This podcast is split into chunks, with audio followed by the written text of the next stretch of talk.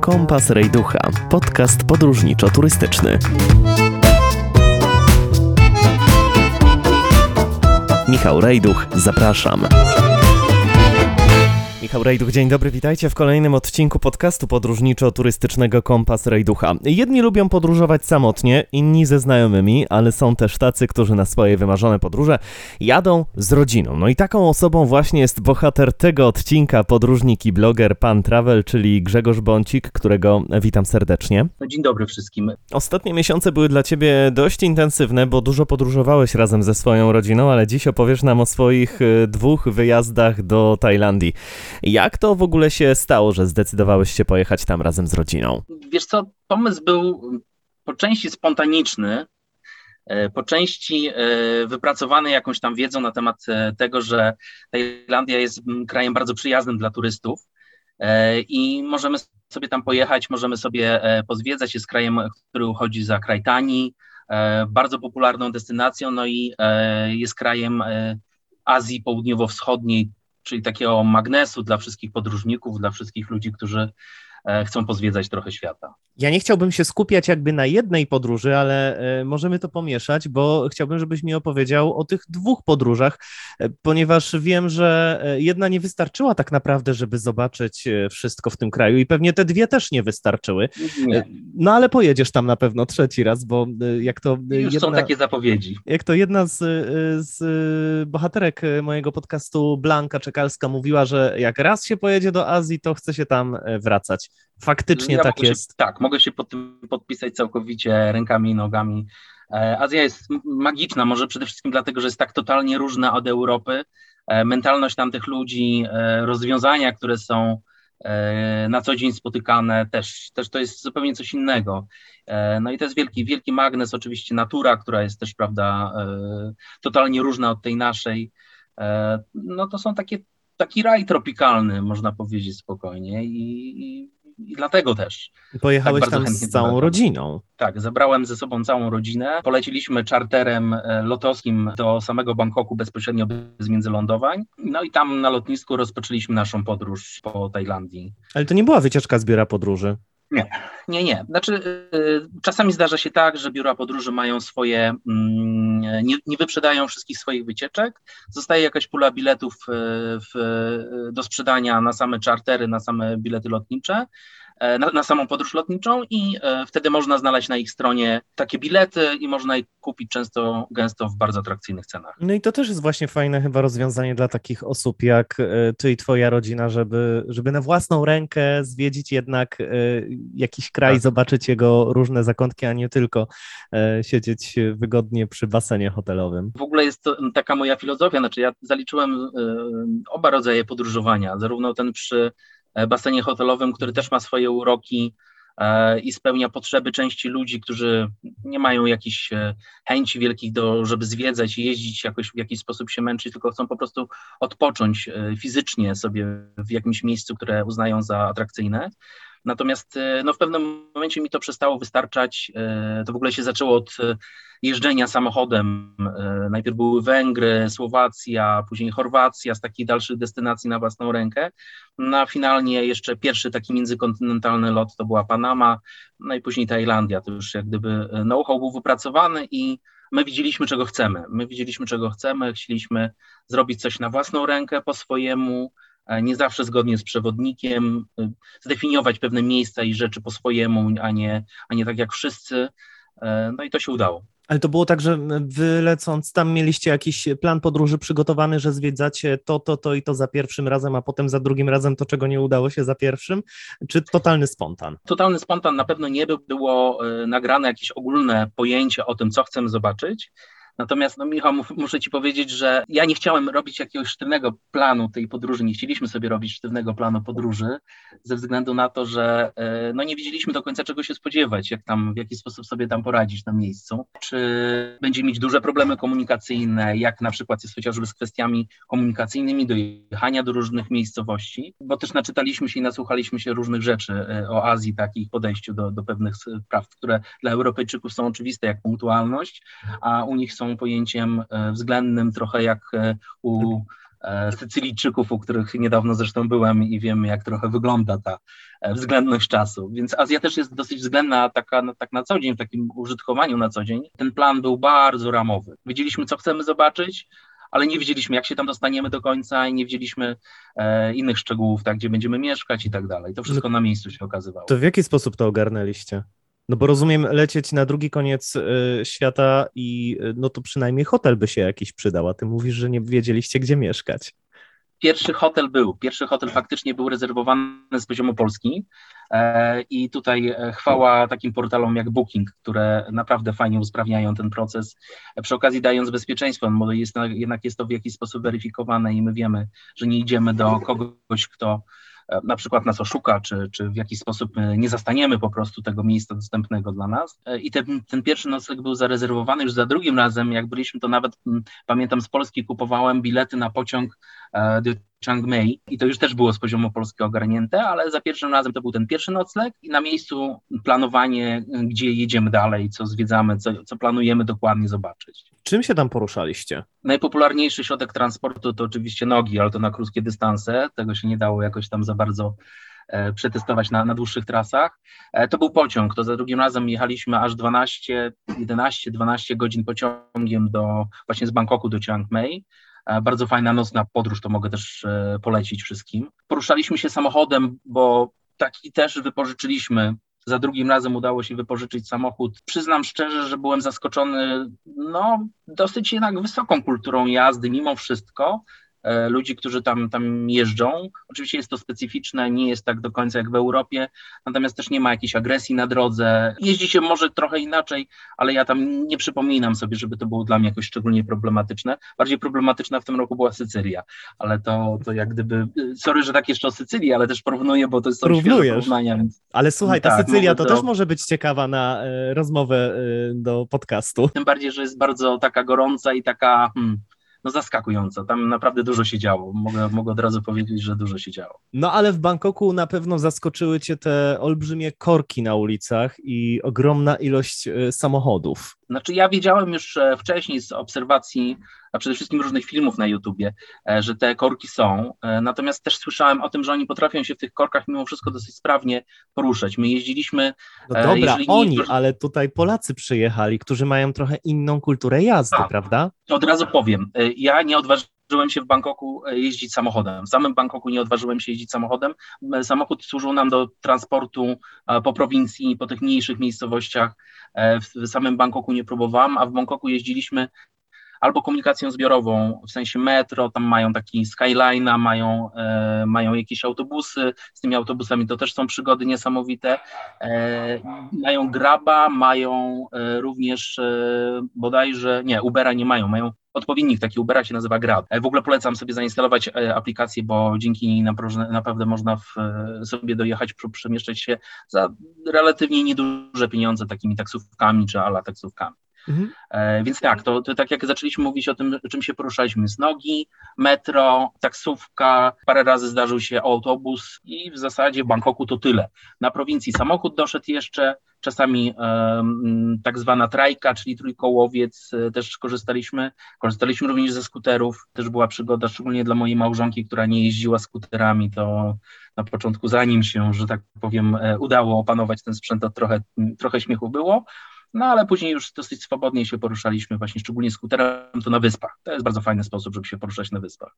Czy ty korzystasz z przewodników, ty i twoja rodzina, czy raczej e, sami odkrywacie jakieś miejsca, które, do których przez przypadek albo i nawet celowo trafiliście? Znaczy ja mam zawsze bardzo wielkie ambicje, że e, przeczytam sobie przed każdym dniem jakiś fragment przewodnika i zainspiruję się do czegoś. E, najczęściej kończy się to tym, że po prostu zasypiam nad tym przewodnikiem, dalej nie wiedząc, gdzie chce się, gdzie chce się przemieścić, e, ale coś w tym jest, że jednak coś się tam zaszczepia, jakaś myśl.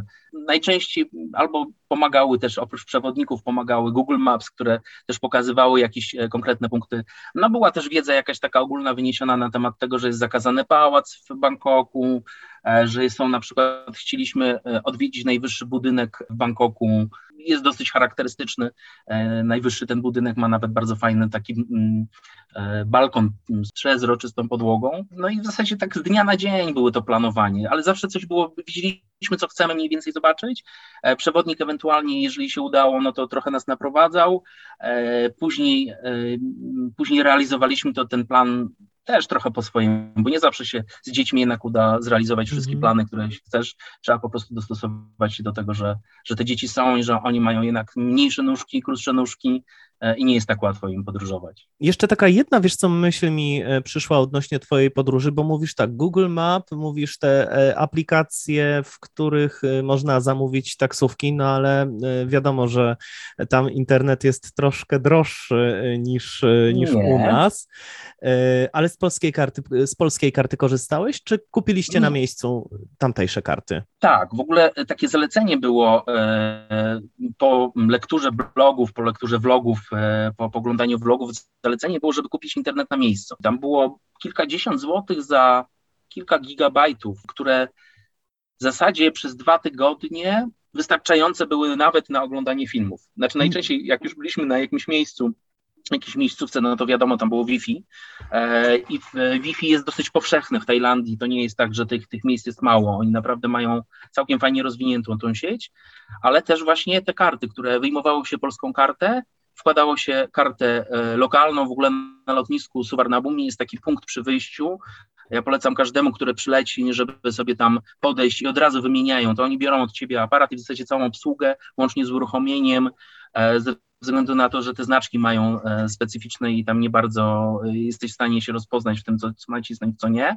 Więc oni to wszystko robią od początku do końca, ustawiają ci telefon i możesz już korzystać z tego internetu on jest bardzo efektywny, on jest szybki, e, nie tylko w miastach, również e, w punktach turystycznych swobodnie e, można się komunikować za pomocą ichniego internetu. No i warto to zrobić chyba, bo za te, z, tej, z, tej, naszej polskiej karty to byśmy tam bardzo dużo kasy zapłacili za internet. Nie polecam. Nie polecam. Przyszło mi jakieś podsumowanie, bo na początku za pierwszym razem Użyłeś. coś korzystałem chwilę, tak.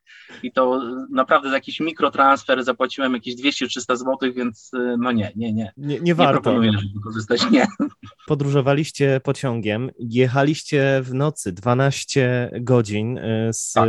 jednego miejsca do, do drugiego jak ta podróż wyglądała, bo wiem, że te pociągi są trochę inne niż te nasze polskie. Pierwsza rzecz, która w ogóle uderza po wejściu na dworzec, to jest e, smród spalonego oleju napędowego, e, ponieważ e, oni albo nie mają, albo mają bardzo niewiele tych zelektryfikowanych linii kolejowych. W związku z tym stoisz na dużym dworcu, który ma kilka albo kilkanaście peronów i Stoi tam kilka tych pociągów, które są, szykują się do odjazdu prawie cały, cały czas, który się odjeżdża czy przyjeżdża. E, więc no jest, e, hałas jest całkiem spory, no bo to są silniki diesla, no i oczywiście smród jest całkiem e, potężny. Natomiast już po wejściu do pociągu to jakby zależy też jaki się trafi, bo są nowsze wagony i starsze wagony. My akurat trafiliśmy do starszego, sorry, do, do nowszego wagonu, w związku z tym w ogóle nie odczuwaliśmy tych różnic, szczególnie w porównaniu z PKP, który nie ma co się oszukiwać, jakoś też nie jest e, e, najnowocześniejszymi kolejami, nie są na świecie. E, natomiast tam co innego jest już wewnątrz pociągu. Tam, tam najważniejszą rzeczą jest to, że tam nie ma przedziałów. To jest jeden wielki przedział, korytarz jest przez środek, po lewej, po prawej stronie są miejsca do siedzenia. Jak się później okazało, są również to miejsca do leżenia. Są to również leżanki, bo w okolicy noclegu, już tam w okolicach godziny 22 przychodził pan z obsługi pociągu, odchylał mm, łóżko górne e, do pozycji takiej, której można było już spokojnie spać. Później można było sobie e, jeszcze zasłonić specjalnymi zasłonkami. E, no i zapadała cisza i tam wszyscy mniej lub bardziej przygotowywali się do snu i tak to wyglądało. Nie było przedziałów, e, trochę było obaw, że będzie jakiś złodziej, w związku z tym ja spałem na swoich cennych e, rzeczach elektronicznych. No, nie, nie było to e, najprzyjemniejsze spanie, natomiast i tak rano wszystko było koło mnie więc jak gdyby to, to nie jest specjalnie skuteczny e, sposób, aczkolwiek nic się nie wydarzyło, tak, było bardzo bezpiecznie, nie było w ogóle jakiegoś e, poczucia dyskomfortu nawet większego. To było z polecenia też we wszystkich przewodnikach, we wszystkich, na wszystkich blogach, w internecie, w, na vlogach była informacja taka, że warto się przejechać e, tym pociągiem, A no chcieliśmy spróbować, bo tutaj jakoś, jakiś sposób jazd, ta jazda pociągiem no, kojarzy, przynajmniej mnie kojarzy się bardzo dobrze z dzieciństwa. Ja bardzo lubię jeździć pociągami do dzisiaj. E, więc tak namówiłem też rodzinę, że, że jedźmy, tak, spróbujmy w ten sposób e, przetransferować się tam do Chiang Mai i to był strzał w dziesiątkę, naprawdę bardzo, bardzo pouczająca, taka fajna podróż była. Jak już dojechaliśmy tam Chiang Mai na, na sam dworzec, no to tak, to e, w ogóle okazało się, że miejscowość, o której miałem mniemanie, że jest no miastem takim przynajmniej, może nie na miarę Bangkoku, ale jednak całkiem sporym ośrodkiem miejskim, no to tak ten dworzec był taki bardzo skromny. Trochę mi to przypomina, jak jedzie się do Białego Stoku, Białego, Białostoczczan, oczywiście tutaj proszę nie, nie się e, z tym źle, ale jak się wchodzi na Stare Miasto e, w Białym Stoku, to zaraz się z niego wychodzi. Mają bardzo ładne te Stare Miasta, natomiast bardzo malutkie i tak, takie samo miałem odczucie właśnie w Chiang Mai, ale zaraz, to już koniec, to już wszystko, czy coś jeszcze? I to było pierwsze zaskoczenie, a tak naprawdę to wszystko, po co jedziesz tam, to się skrywa w murach Starego Miasta i tam jest kilkaset świątyń, już nie pamiętam dokładnie ile, 300, tak mi przychodzi teraz e, do pamięci taka myśl, ta liczba 300, ale na pewno jest bardzo dużo tych świątyń. My nie daliśmy rady wszystkich obejrzeć, natomiast e, to się później zresztą w jedną masę zlewa, bo dla nas Europejczyków, nie, ja, ja przynajmniej nie wychwytuję tych wszystkich e, niuansów, no ale to dopiero, to dopiero w środku miasta można zobaczyć to, po co się tam przyjechało, a zaskoczenie na początku jest takie, że o, jakieś małe, prowincjonalne, niepozorne miasto. A te świątynie faktycznie zaskoczyły? Jest ich ogrom, naprawdę jest ich ogrom e, i o ile w Bangkoku e, rok wcześniej miałem jeszcze taką uważność dużą na, na pewne rzeczy, e, związane właśnie z, z tymi świątynia, świątyniami buddyjskimi, to tutaj nie wszystkie wszystkie, nie wszystkie rzeczy, nawet jakoś tak mi się, pewne rzeczy mi się zlewały, już tak nie byłem pobudzony, nie, ta ciekawość nie była pobudzona aż tak. E, natomiast e, no, nie zmienia to faktu, że jest to piękne, tak? I, i, I, na pewno, jeżeli ktoś się fascynuje świątyniami, no to powinien to miejsce zobaczyć. Zresztą my trafiliśmy e, bardzo krótko po mm, lutowym święcie kwiatów. To się teraz nie pamiętam dokładnie, jak się nazywa to świa, święto. Natomiast jest fajne, bo y, przystrojenie ulic jest w postaci właśnie jakichś tam parasolek kolorowych, kwiatów, wszędzie są kwiaty wtedy, tylko że my trafiliśmy jakoś tak, w weekend to było, a my byliśmy bodajże w poniedziałek, więc oni już rozbierali to wszystko. Oprócz tego y, Chiang Mai również słysz, słynie z tego, że w okolicy jest dużo fajnych rzeczy, chociażby jeszcze jedno miasto, o którym, dla którego również tam pojechaliśmy, czyli Chiang Rai, e, Chiang Rai, czyli miejsce, w którym jest zbudowana tak zwana Biała Świątynia, E, zbudowana przez człowieka, który rozpoczął jej budowę w 97 roku, choć kompletnie nie wygląda jak budowla z do 97 roku, tylko przypomina raczej jakieś, nie wiem, właśnie e, odległe wieki. E, I człowiek, jeden człowiek, ten artysta buduje tą świątynię, ten kompleks świątyny, ten świątyny do dnia dzisiejszego. Więc to też warto zobaczyć. Tam warto się przyjechać. To jest chyba 70 kilometrów od Chiang Mai oddalone miejsce warto zobaczyć. No to też są cudowne obserwacje, to, są, to też, też jest coś, coś niesamowitego, jak można popatrzeć na, jak idzie się ulicą, mm, szczególnie w ciągu dnia albo w mniejszych, mniej popularnych miejscach turystycznie, no to widzi się to, e, to życie codzienne e, no, w całej rozciągłości tematu. To jest, to jest też fascynujące. A jak to wygląda? Też, to mogę ci, no właśnie, mogę Ci opowiadać, bo... No bardzo e, chętnie. Teraz mi przychodzi teraz, w tej chwili do głowy przyszła mi taka myśl, tam to trzeba poczuć na miejscu, ponieważ idziesz uliczką, gdzie e, jednocześnie czujesz zapach e, prania, świeżego. E, czujesz e, smród brynsztoku, który tam przypływa obok, ze wszystkimi zapachami, które, z którymi może się to wiązać, po czym idziesz do restauracyjki, która jest właśnie w, też tam ulokowana, zamawiasz jedzenie i jesz. I to jest niesamowite, że to ci totalnie nie przeszkadza. A Tajowie są w ogóle strasznie serdecznymi ludźmi, takimi uśmiechniętymi, reagującymi na uśmiech, grzecznymi, nieznoszącymi, tak jak ja zauważyłem i z tego, co ja słyszałem, nieznoszącymi E, na przykład wykrzykiwania, czy okazywania w jakiś sposób emocji, taki, taki sposób. E, podniesionym, e, mówienia podniesionym głosem. Tak jest, to w ogóle uchodzi mówienie podniesieniem głosem, czy krzyk w dyskusji z drugą osobą w kłótni jest uważane za oznakę strasznej słabości, więc tam E, oni są grzeczni też do pewnego momentu, a to też usłyszane od Anglika, którego tam poznałem wcześniej, nie, nie, nie na ostatniej podróży, tylko rok wcześniej.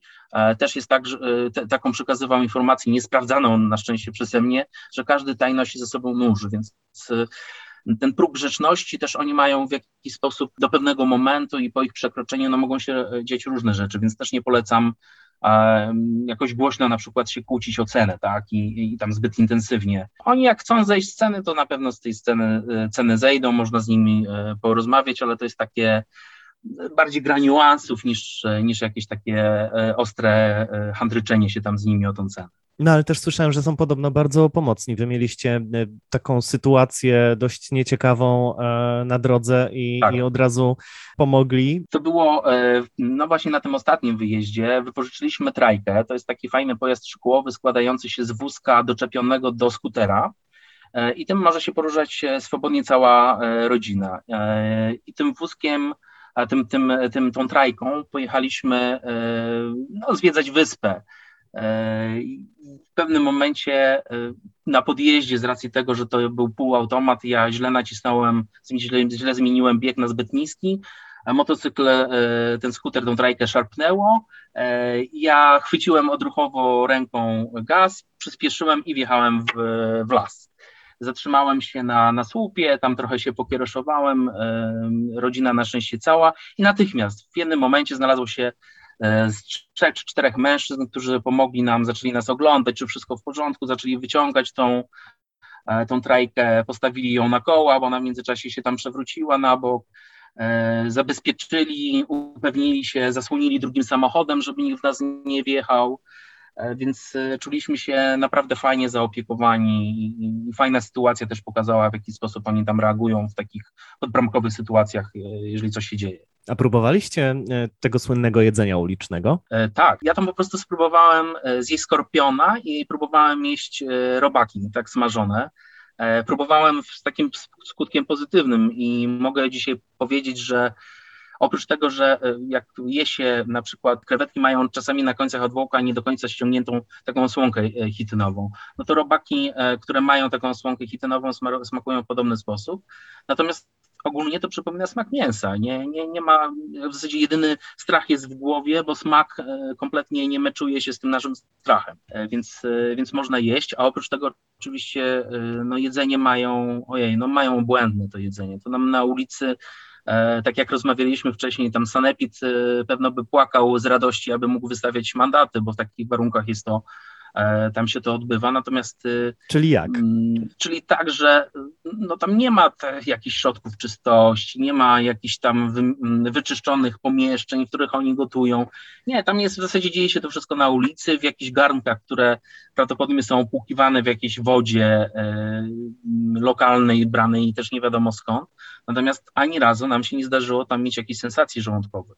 Zresztą nam polecano, że jeżeli będziemy kupować rzeczy e, z ulicy, to koniecznie, żeby były przygotowane, przysmażone e, czy ugotowane, żeby nie pić takiej wody, nie brać nawet kostek lodu. Choć te kostki lodu braliśmy i nic nam się nie działo.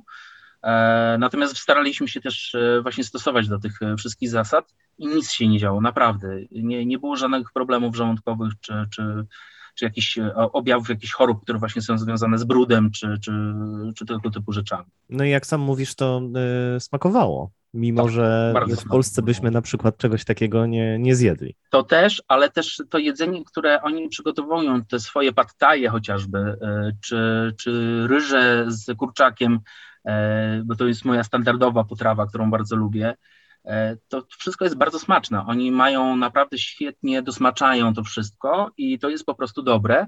Do tego stopnia, że moja żona nawet się podczas pierwszego pobytu wybrała tam na kurs gotowania e, na Kolancie, na jednej z wysp i przywiozła parę pomysłów, które już kilka razy e, z powodzeniem wcieliła w życie. No ale właśnie wiesz, ja też myślę o tym, że podróże służą nie tylko do tego, żeby poznać nowe miejsca, żeby coś zwiedzić, ale też, żeby spróbować właśnie tej kuchni, coś, czego tak naprawdę my tutaj w Polsce no, no raczej nie zjemy, albo będzie to trudne do przyrządzenia tak albo tak, albo ciężej trafić. Stąd właśnie w opisie mojego, e, mojego profilu na Instagramie jest, że gotujący motocyklista z rodziną, ponieważ w te podróże wszystkie jest wpisane to również gotowanie, takie smakowanie tego wszystkiego, co, co możemy. To zresztą jeden z wymiarów tych podróży.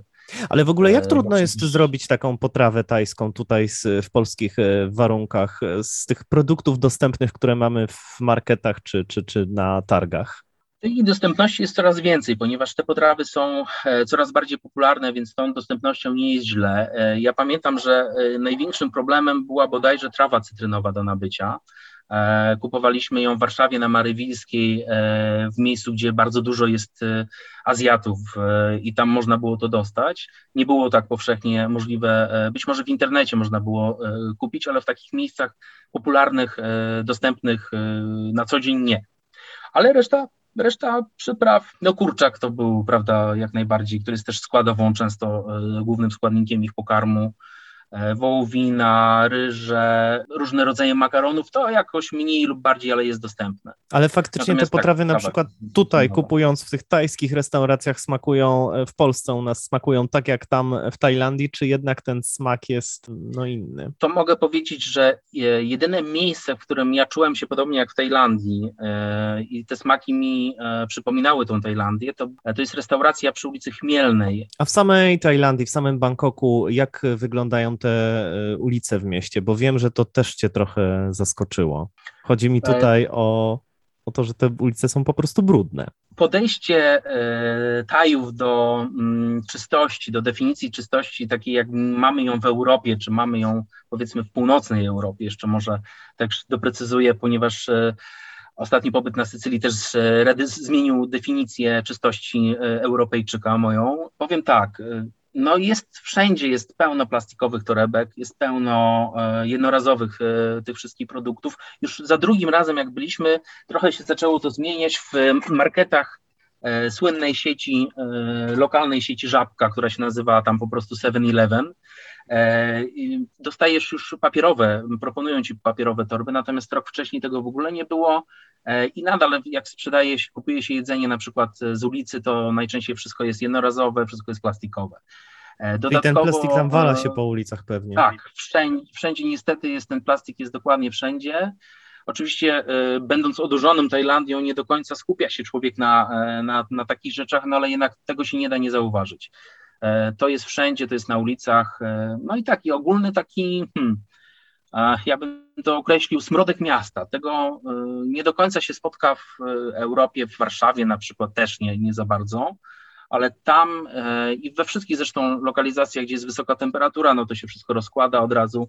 Jest taki specyficzny e, zapach tego, e, tego miasta, który właśnie jest mieszaniną również tych śmieci. To, to mnie zaskoczyło, ale nie tylko mnie zaskoczyło to, zaskoczyło mnie również sposób, w jaki oni żyją, że na przykład z handlu takim jedzeniem przychodzi sobie rano pani z wózkiem i ten wózek stanowi jej cały zakład pracy. Tam ma wszystko, ma, ma produkty, ma miejsce gotowania, przygotowywania tych pokarmów, ma informacje o cenach, ma wszystko.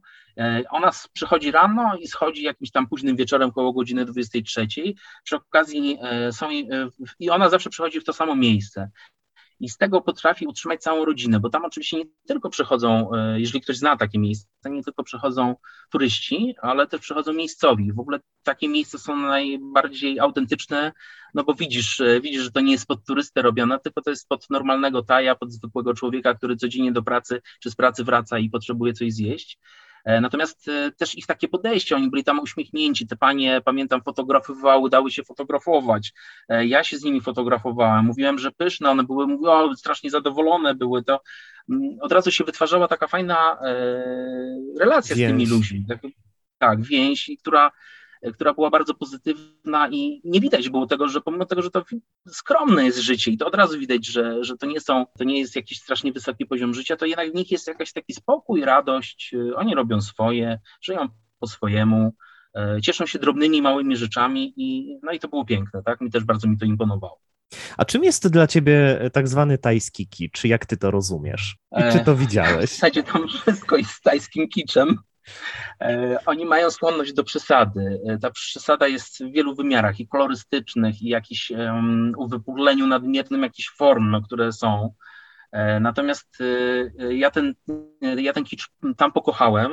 E, I do dzisiaj twierdzenie, które dla mnie kiedyś, e, że coś jest kiczowate, było e, określeniem negatywnym, w tej chwili jest takim określeniem fajnie, to musi być coś ciekawego, czyli taka kultura przesadzona, która aspiruje do kultury właśnie jakiejś takiej trochę może bardziej ambitnej, a jednocześnie jest, jest w pewien sposób pokazaniem czegoś lokalnego, tak? Jakiś twórców Ale to jest taki lokalny folklor, można powiedzieć? Tak, ja chyba, chyba schowałbym się za taką definicją, że jest to folklor z tym, że no dla nas Europejczyków te formy po prostu są e, nadmierne, tak? To jest tak jak e, często na Instagramie są zdjęcia, które są przekoloryzowane, nadmiernie są nasycone kolorami, no to właśnie jak gdybym mógł zdefiniować ten kicz e, ichni, czyli tajski, no to właśnie to jest coś takiego, za bardzo. Oni chcą aż za bardzo, jak gdyby pokazać przez to.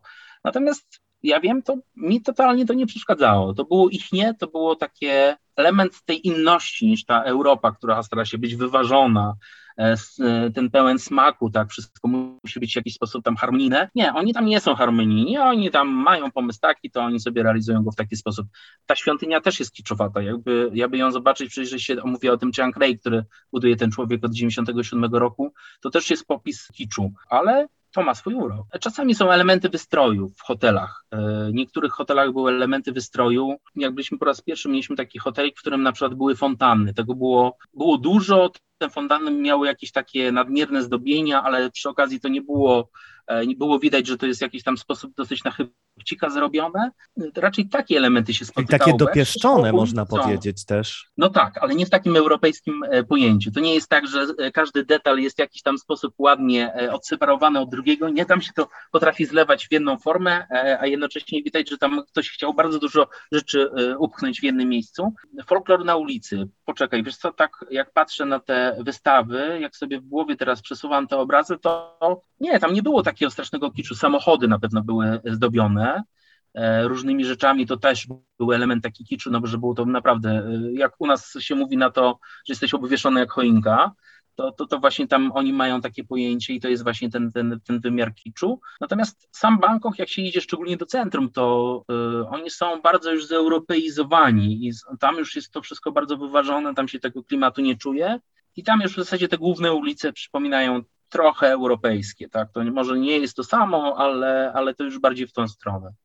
Ale tak po ulicy to głównie właśnie teraz mi się przypominają te samochody, pojazdy, te, e, te trójkołowce e, ich niesłynne, że są kolorowe, że są po prostu kolorowe strasznie. Kiedy kolejna podróż do Tajlandii? Bo to, jak Nie wiem, mówiliśmy poczekaj, już, ma- ja mam uzależni- nawet. właśnie widzę Hiszpanię. Tak, Sycylia była, Hiszpania, tutaj dzisiaj rozmawialiśmy z synem. E, No tak, Barcelona, Dubaj, m, Tajlandia jest na wysokim czwartym miejscu. Natomiast e, czy to się spełni? No nie wiem, to zależy wszystko, wiesz, teraz od tej sytuacji e, z wiadomo czym i, i nie chcę jakoś tam w jakiś sposób planować. Poza tym, e, no ja byś chciałbym też zobaczyć coś innego. Może Wietnam, może, może Indonezję. Ale jeżeli nie będzie jakiś, e, jeżeli będą na przykład fajne, tanie bilety do Tajlandii, no to ja nie będę się zastanawiał, żeby tam, żeby tam pojechać. Lecieć i zwiedzać. Tak, lecieć i zwiedzać, bo, bo dużo jest do zwiedzenia. To jest e, duży kraj, a tam jest naprawdę sporo jeszcze miejsc, które można by było zobaczyć e, i, i pozwiedzać i pooglądać. A, jeszcze z pierwszej wyprawy to Kanchanaburi, czyli ten słynny most na rzece, na rzece Kwai. E, To też, no tam jest tak, tak dużo tych miejsc, które można zobaczyć, że myślę, że to nie jedne dwa tygodnie można sobie zapełnić w życiu. A zdjęcia z tych podróży y, można między innymi zobaczyć na twoim Instagramie, Pan Travel. Tak jest. Tak jest na moim Instagramie. Jest, zresztą będzie się pojawiać, jak skończę z Sycylią, którą aktualnie zacząłem e, postować e, i przedstawiać wszystkim, to myślę, że wróci trochę Tajlandii, bo no, mi się już też tęskni. Poza tym za chwilę będzie szaruga, więc nam wszystkim się przyda trochę słońca. Bardzo Ci dziękuję, Grzegorz, za tę rozmowę. E, Grzegorz Bącik, e, Pan Travel, którego znajdziecie właśnie pod tym pseudonimem na Instagramie, był moim gościem. A ja oczywiście zachęcam do tego, żeby też zajrzeć na mój profil Instagramowy e, Kompas Rajducha. Na Facebooku też go znajdziecie. Można tam komentować, można tam. Fantastyczne miejsce. Dzięki, można przede wszystkim udostępnić i przekazać dalej. Tak jest. Dzięki Grzegorz w takim razie jeszcze raz, no i do zobaczenia i przede wszystkim udanych podróży życzę. Dziękuję Ci bardzo, Michał. E, Jesteśmy w kontakcie. Trzymaj się.